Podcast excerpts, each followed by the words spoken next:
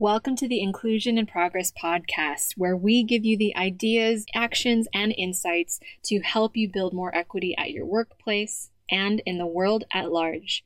I'm your host, Kay Fabella, international expert on diversity, equity, and inclusion, a Filipino American living in Spain, and your guide in navigating this DEI journey.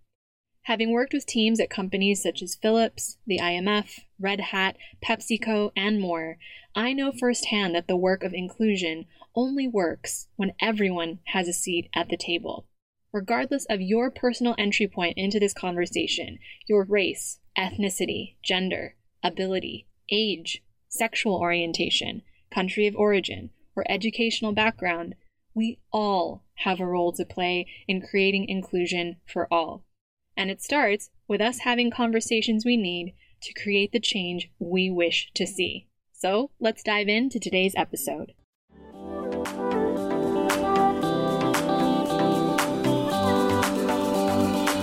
Hey, hey, it's Kay here, and welcome back to the show.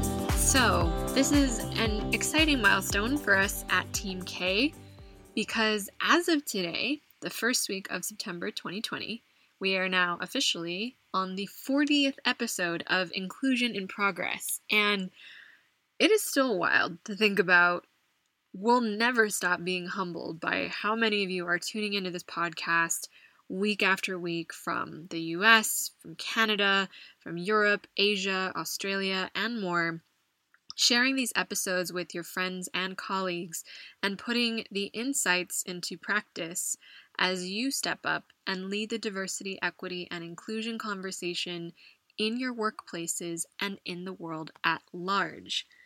Now, to mark the occasion, I wanted to take a moment to read a couple of our favorite reviews that have come in on iTunes recently, like this one from my DEI hype man, Michael, in the Netherlands, who writes Kay's podcast is fabulous. I really enjoy listening to her. She's a very knowledgeable person and produces well researched episodes in which she provides a balanced perspective. Her personal background and her experiences living on multiple continents, North America and Europe, gives her a unique perspective on matters. She is very gentle and empathetic in her approach, which really manifests itself in how she's able to mentally and emotionally place herself in the shoes of people with a different background or identity to try and understand things from their perspective. Kay is a highly emotionally intelligent and attuned person who, through her strong yet gentle voice, courageously leads in the discussions about diversity, equity, and inclusion, and of course, also belonging. I highly recommend this podcast. Michael, you will forever be my OG hype man. I so appreciate you. or this review from one of my clients and friends, Jimmy, in the US, who writes, as one of the old white guys in the room, I struggled with my role in drawing attention to DEIB. After listening to this podcast, I started to understand where I could be helpful, where the role of the ally can create access and an audience for the voices that need to be heard. And talking with Kay personally, she started me rolling, and I'm picking up speed. I return to this podcast for grounding, ideas, and reminders of what can be done and what I can do. And finally, this review from M. Yoon, also from the US, who wrote No matter where we are on our DEI journeys, there is always more to learn, and I am grateful to have Inclusion in Progress as a resource. Thank you. Not to mention the countless requests we've gotten from you on LinkedIn sharing your favorite solo or guest episodes with us. It's listeners like you and reviews and messages like these that keep us going and help remind us of why we started Inclusion in Progress in the first place. So, as we start off today's 40th episode, still can't get over that. So cool. I want to express a massive thank you, again, on behalf of Team Kay, to every one of you who's already left us a review and who continues to share this show with your colleagues, with your managers, with your chief diversity officers, allies, and fellow minority professionals. So, if you're a longtime listener or just jumping in, please consider leaving us a review on iTunes. A lot of heart and hours go into making every episode, and we truly want to impact as many folks as possible with the tools and insights we're sharing here week after week for free. and of course, I'd really appreciate it if you did us that five minute favor and left a review for us on iTunes. which we've of course made available for you to do so easily at the link in these show notes. Reviews really help boost our show in the algorithm so that new listeners like you can find us, which increases our potential impact for changing hearts and minds that can lead inclusion in our workplaces. All you have to do to leave us a review is open up the iTunes app on your mobile device or desktop, search for Inclusion in Progress, that's this show, and scroll down until you see Write a Review. And like I said, I'll be sure to leave a link in the show notes to help you out. So I want to take a moment to acknowledge the very real backdrop of the world as we move into September. As an introvert and an empath who works in DEI in the midst of a global pandemic and a global anti racism movement, at times it feels like the world isn't really giving us much of a break this year. I'm sure many of you feel the same way. When you hear yet another story of anti black brutality, it underlines how much work we have left to do on equity and inclusion in our society at large. When you start measuring the progress of your corporate diversity and inclusion conversations and solutions against weeks that have passed between the video of George and the video of Jacob, it underlines how much work we have left to do to make our workplaces feel safe for employees of color. When you try to explain to your non US clients that the anti racism movement isn't quote unquote just a US thing, it underlines how much work we have left to do to expand the DEI conversation beyond binaries and headlines. Top that off with feeling far away from my home country of the US, unsure of when I'll get to see my family and loved ones again, the second wave of corona here in Madrid, and the day to day of just doing this work for DEI, I could feel myself getting overwhelmed. And I know from having experienced burnout at age 22 that it's just not a good place for me to be in if I plan on continuing to pour into others and deliver my best work to lead inclusion. So last week I went for an express, socially distanced, solo getaway for a morning hike in the mountains outside Madrid. I spent just over 24 hours unplugged with nothing but my GPS to guide me, breathing, being, and taking in a bit of fresh air in nature to replenish my mental health to keep doing this work in leading inclusion when it needs folks like us most. Because I needed a reminder, maybe you do too, that this world is still beautiful despite how hard it feels right now to exist in it. I needed that reminder as I watched the sun rise and took in the mountain views and listened to the birds chirp. It recharged and replenished me in ways I didn't even know that I needed. More importantly, it reaffirmed for me that this planet and everyone who lives on it needs us to keep leaning in, showing up, and standing up for what is right.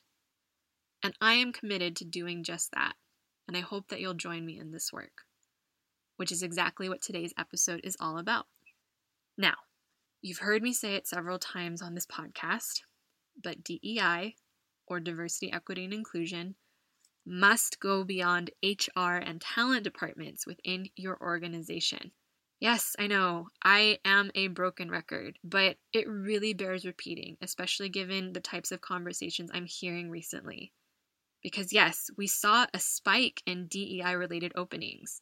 In fact, according to Glassdoor, DEI related roles have risen by 55% since June 8, 2020, after falling by 60% at the onset of the coronavirus pandemic in March.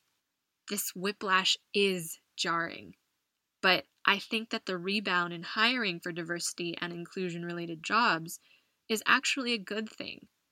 It means there is at least an outward commitment by companies of different sizes and shapes and industries to do a deeper and more sustained investment in creating diversity, equity, and inclusion in investing both in building initiatives internally, hiring the right stakeholders to lead these initiatives, leading them top down from the executive level, and investing in trusted suppliers and experts who can provide support in leading and implementing these different parts of the strategy that need to be happening across the organization. But even though I'm encouraged by the new hires for CDOs or chief diversity officers, watching DEI teams expanding at companies, that even though I'm hopeful at the new momentum to tackle diversity and inclusion at work, I will admit I remain cautiously optimistic. As I shared in episode 38 on this podcast, historically, DEI leaders have not been given real resources or organizational support to make lasting changes in building an inclusive culture.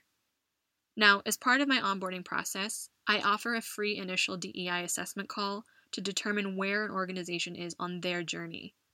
And one of the questions I ask, at least recently, is How has your company responded to the global anti racism and Black Lives Matter movement? Their response? Well, we're focusing on improving our hiring process so that we can attract more minority candidates and increase representation as a result. Okay, that's a good start. But what happens if the systems and processes that you currently have in place are actually perpetuating a toxic culture that harms and excludes the minority candidates that you're trying to attract? And worse yet, doesn't encourage or support these professionals to stay long enough to become the leaders of tomorrow in your organization. Listen, I get it. For companies that have never prioritized diversity and inclusion before, or just haven't really paid as much attention to it in favor of prioritizing other things, looking for a place to start, they're going to hang on to the vocabulary they've heard from a McKinsey or Harvard Business Review article, the feel good commitment that's going to lead to tiny incremental improvements or the motivational keynote or the one off two hour workshop that's going to talk about the need for allyship in a company. These are very powerful methods. Please don't misunderstand me when I say that. But they are the ellipsis to a greater DEI strategy, not the period full stop in all of your DEI efforts. These kinds of relatively vague ideas on how to build inclusion at work are normally the only ways most leaders that contact me know how to make a difference. And you know what? That's absolutely okay. And that's what today's episode is for. So, just to be clear, DEI isn't just HR's or recruitment's or talent acquisition's job. It needs to be embedded everywhere across your organization with buy in and leadership from the executive level to be led top down for it to succeed.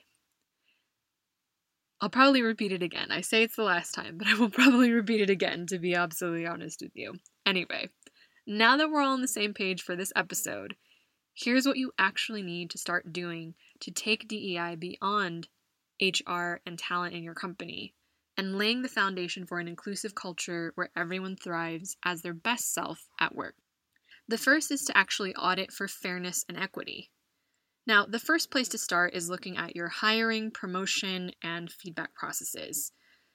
How fair and equitable are those processes to candidates from traditionally underrepresented or historically excluded backgrounds? Also, as you're in the process of auditing these existing systems, ask yourself where can you troubleshoot and correct for bias? We know for a fact from study after study that women, people of color, LGBTQ, disabled, and neurodiverse employees don't get a fair shot at getting hired, receiving fair performance evaluations, getting mentorship, sponsorship, and networking opportunities, receiving high quality assignments, and getting paid and promoted fairly. So, debiasing systems to make them more fair and equitable will require some type of action team that is led by the CEO, your CDO, your head of HR, or whatever function that you have in place, inclusive and receptive managers who are actually open to helping lead this action team, data analysts, as well as any other important key stakeholders that are all working collectively on a deadline to debias these existing systems to create more fairness and equity at work. And if this process is something that you need support on actually implementing, please get in touch with me at the link in the show notes or go to kayfabella, that's K A Y, F as in Frank, A, B as in boy, E L L A dot com for your free initial assessment conversation. On that call, I'll walk you through ideas for how we could build an audit from scratch or work with your existing systems to begin the process of creating more fairness and equity for your underrepresented talent at work. The second thing to consider is assessing your company culture and opportunities for improvement. Now, once you've audited your systems, you need to survey your behaviors, aka your company culture, measuring things like employee sentiment, feelings of belonging, and identifying opportunities for improvement in how to create a more welcoming, inclusive culture overall. Now, I know that some of my European listeners who've written aren't legally allowed to gather data around topics such as race and ethnicity at work, which I know is frustrating and doesn't always provide the transparency you need to build DEI in your organization in the same ways we're able to do so with data in the US. So here's a workaround. Ask anonymous questions around elements that make up an employee's experience in a company. So things like objectivity, capacity for growth, and belonging. So let's give you a few examples of what that looks like. For objectivity, you could ask a question such as Promoting decisions are fair at my company. Agree or disagree? Or a similar question around salary compensation. For a question around capacity for growth, you could ask employees something like my company believes that people can always improve their talents and abilities, agree or disagree. For things like belonging, you could ask questions on things such as When I speak up at work, my opinion is valued, agree or disagree. Or something as simple as I feel like I belong at work, agree or disagree. So, gathering data around your employee sentiment in a psychologically safe, accessible, and inclusive way helps you pinpoint where you are and where you aren't meeting your different employees' needs and expectations, which you can then always follow up with or implement in focus groups and one on one conversations to gather the additional information you need to then finalize and establish your DEI strategy. The third thing is to look at adopting key expectations and metrics to embed DEI from the top down. As I said in episode 36, How to Build Your Five Year DEI Plan, no diversity, equity, and inclusion initiative can work without top down leadership from the CEO.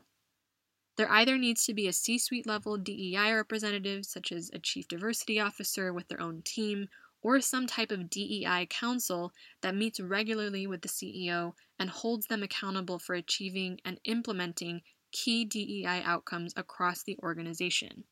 Now, if you haven't already, go back to episode 36, where I talk about who specifically you should make accountable for leading DEI and increasing the likelihood of its success as a strategy in your company. Once these expectations, metrics, and standards have been established, you need specific, measurable, and actionable ways to gather data and integrate DEI into your existing organizational systems. You can look at your hiring, promotion, feedback, and conflict resolution channels at your company and ask how you'll improve them. You can establish clear, measurable objectives that you can use to achieve them, and then set timelines to revamp those systems and incentivize your leaders and managers to lead those initiatives in their respective functions by linking the achievement of those goals to your key business objectives as a company.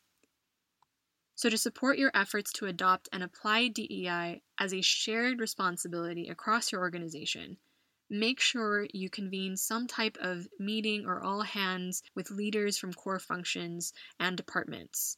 In that meeting, be sure to raise awareness for the importance of achieving these outcomes for diversity, equity, and inclusion. Be sure to share how you'll be integrating DEI into your core business model moving forward, and then decide with their input on how each individual can lead, apply, and take responsibility for leading DEI in their respective functional areas. So, there you have it why the success of your DEI initiative goes beyond HR and talent and three ways you as a leader can start building the foundations for a successful, sustainable diversity, equity, and inclusion strategy at your organization. A reminder those three strategies were audit for fairness and equity, assess your company culture and opportunities for improvement, and finally, adopt key expectations and metrics to embed DEI starting from the top down. Remember, these strategies are by no means exhaustive but they should give you a good place to start that complement your awareness efforts for DEI. Because awareness or building awareness for the need for diversity, equity, and inclusion through something like a lunch and learn, through a keynote, or through a company wide DEI event is a great first step to start the conversation. but long term inclusion needs to move away from just looking at HR and talent as the only departments leading these initiatives. Long term inclusion requires a sustainable, measurable strategy that everyone is responsible for to turn a one off conversation into meaningful cultural change. Now, it's no secret that our work in diversity, equity, inclusion, and belonging is needed more than ever. With COVID 19, the global anti racism movement, and the uncertainty of our economic situation as we figure out how to return to work and navigate back to school initiatives, we're all realizing that what got us here definitely won't get us to where we want to be on the other side. And it's my sincere hope that walking through some of these strategies and questions will help guide you, no matter where you are in your organization or on your DEI journey, to lead these conversations and build sustainable strategies at work.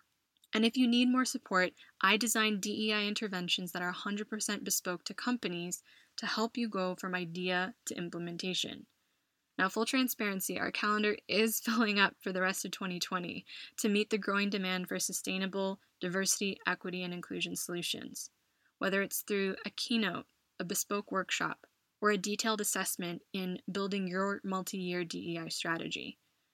So, to learn about more specific ways I can help you, because no two companies' journeys or situations are alike, get in touch at the link in the show notes or head to kayfabella.com. On our initial assessment call, I can help you understand where you are on your DEI journey, establish ideas for where you need to go, and share ideas and strategies for how we can work together before the year is over. Until then, be well, and if you ever need anything, feel free to reach out to me directly at info at kayfabella.com. I read each and every email that comes into my inbox, and I'm here to be a resource for you right now.